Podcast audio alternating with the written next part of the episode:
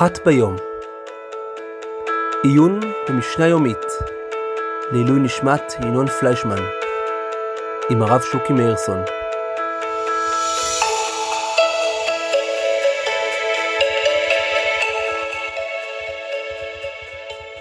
שלום רב, אתם מאזינים לפודקאסט אחת ביום, עיון יומי במשנה מבית ישיבת כה לעילוי נשמת ינון פליישמן. אנחנו נמצאים במסכת פאה, פרק ד', משנה ו'. אומרת המשנה, נוכרי שקצר את שדהו ואחר כך נתגייר, פטור מן הלקט ומן השכחה ומן הפאה. רבי יהודה מחייב בשכחה, שאין השכחה אלא בשעת ההימור. אז דבר ראשון אנחנו נקדים ונאמר שבאמת המשניות מתחילות לעסוק באופן יותר אינטנסיבי במצוות נוספות מעבר למצוות פאה. כן, בזמן אה, קצירת השדה אה, או איסוף היבול יש לנו שלוש מצוות, לקט, שכחה ופאה. אה, אז פאה כבר למדנו בהרחבה עד עכשיו, שזה החלק שמשאירים בקצה השדה, אה, שממנו העניים קוצרים בעצמם.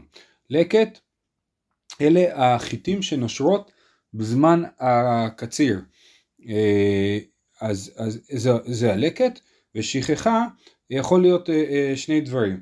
יש שכחת קמה ושכחת עומרים. שכחת קמה זה איזשהו קטע בשדה ששכחתי לקצור, כן? חשבתי שקצרתי אה, הלכתי כבר ואז אני מסתובב חזרה ואני רואה שלא קצרתי אז זה נקרא ששכחתי. כן, המשניות עוד יפרטו בזה. זה שכחת קמה ושכחת עומרים זה אחרי שכבר עשינו, עשינו עומרים, נכון, שקוצרים את השדה ומעמרים את, ה, את החיטים לערימות גדולות שהן נקראות העומרים, אה, אז אני שוכח אה, לאסוף את כל העומרים, כן, היה איזה עומר אחד בשדה ששכחתי אותו, אז זה שכחת עומרים.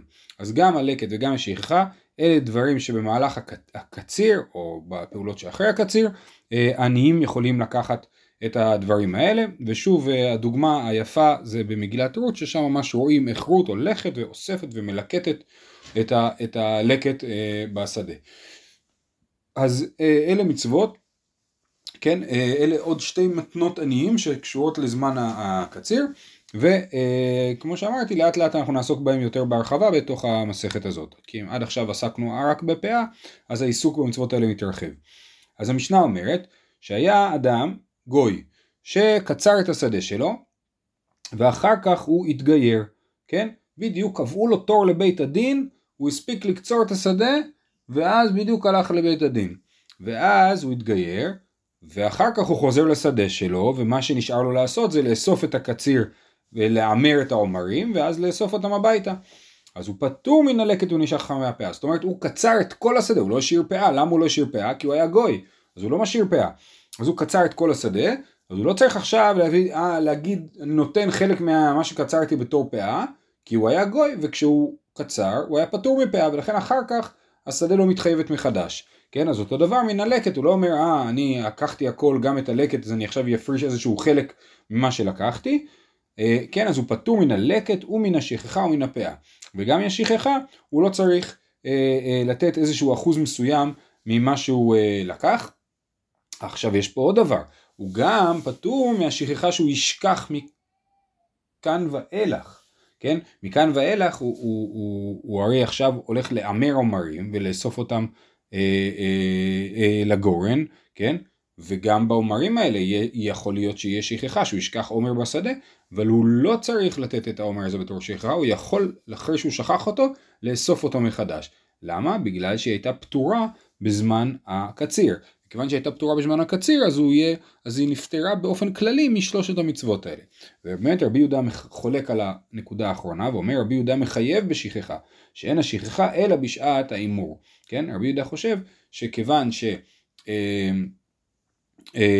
יש הביטוי שאין השכחה אלא בשעת ההימור הוא לכאורה לא מדויק, הוא מתכוון להגיד שאין, שיש שכחה גם בשעת ההימור, גם בשעת הקציר וגם בשעת ההימור, כי אמרנו שיש שכחת קמה, וקמה הכוונה היא החיטה כשהיא קמה, כשהיא עומדת, כשהיא עדיין לא קצורה, כן? אז יש שכחת קמה ושכחת עומרים, אז כיוון שיש שכחת עומרים, אז מה שהוא ישכח כשהוא מהמר עומרים, אז על זה הוא יהיה חייב, זאת שיטת רבי יהודה. ושיטת הנקמה אומרת, כיוון שהוא נפטר בזמן שהוא היה אה, אה, בזמן שהוא קצר כי הוא היה גוי אז זה לא מתחייב אחר כך מחדש אה, מה שנשאר. בסדר, אה, יש עוד הערה אחת מעניינת של התוספות יום טוב שמאיר פה, שהתוספות יום טוב מאיר, אה, הוא אומר, נוכר שקצר שדהו ואחר כך נתגייר פטור מן הלקט מן השכחה ומן הפאה. אה, הסדר של, ה... הסדר של המצוות כאלה הוא, הוא לא כמו הסדר בפסוקים, כי הסדר בפסוקים קודם כל אומר איך זה הולך, שנייה אחת סליחה, כן הסדר בפסוקים זה לא תכלה פאה צריכה לקצור ולקט קצירך לא תלקט ובמקום אחר נוספת גם מצוות שכחה. אז קודם פאה אחרי זה לקט אחרי זה שכחה. ובמשנה מופיע קודם לקט אחר כך שכחה ואחר כך פאה. והתוספות יום טוב מסביר שפה פשוט זה לפי הסדר הזמנים של הסדר הכרונולוגי של הפעולות כן? קודם קוצרים את השדה וכשקוצרים את השדה יש לקט. שכחה זה גם בזמן הקציר וגם אחר כך בזמן ההימור. והפאה אמרנו שנותנים אותה בקצה השדה ולכן היא כאילו הדבר האחרון ש, שאנחנו נותנים. אז זה לפי הסדר הכרונולוגי שאדם בא לשדה לקצור אותו אז הוא יש לו לקט אחרי זה שכחה אחרי זה פאה והפסוק הולך לפי אה, אה, סדר אחר לא לפי הסדר הכרונולוגי של הדברים. אז אה, נקרא עוד פעם את המשנה הזאת. נוכרי שקצר את שדהו ואחר כך נתגייר פטור מן הלקט ומן השכחה ומן הפאה רבי יהודה מחייב בשכחה, שאין השכחה אלא בשעת ההימור. עכשיו רק אה, אה, רוצה לעמוד על איזה נקודה, המשנה כאילו מדברת על איזשהו מקרה הזוי כזה, משונה, שהוא ביגוד, בדיוק התגייר אחרי הקציר, כן, אבל בעצם הנקודה היא להראות לנו שהרגע של החיוב הוא, הוא הרגע של הקציר, ולא אחריו, כן? וזה בדיוק הדבר שגם אה, המשנה הבאה אה, תרצה להראות לנו. אה, אז נקרא את המשנה הבאה, משנה ז', עכשיו אנחנו במסכת פאה, פרק ד', משנה ז', הקדיש כמה ופדה כמה, חייב, אומרין ופדה אומרין, חייב, כמה ופדה אומרין, פטורה, שבשעת חובתה הייתה פטורה, כן? אז יש לנו פה אה, אה, משנה שבעצם מתבססת על העיקרון של המשנה הקודמת, כן? המשנה אה, אה, הקודמת אמרה שרגע הקציר הוא הרגע המחייב. עכשיו יש אדם שהוא הקדיש את השדה שלו. אז האדם הקדיש את השדה שלו, כן? הוא הקדיש את השדה בזמן שהחיטה הייתה עדיין מחוברת. הקדיש כמה ופדה כמה. אז הוא חייב, כי הוא הקדיש את השדה בזמן שהחיטה עדיין לא הייתה קצורה, ופדה את השדה. זאת אומרת, הוא הקדיש את השדה לגזבר, אחרי זה הוא בא לגזבר וביקש לפדות את השדה, אז הוא קנה חזרה את השדה מההקדש חזרה אל עצמו, כן? אבל עדיין הגזבר לא קצר את השדה, אז הוא חוז... והוא חוזר עכשיו לקצור את השדה, אז ברור שהוא יהיה אה, אה, חייב כי הוא קוצר כמו כל אדם אחר.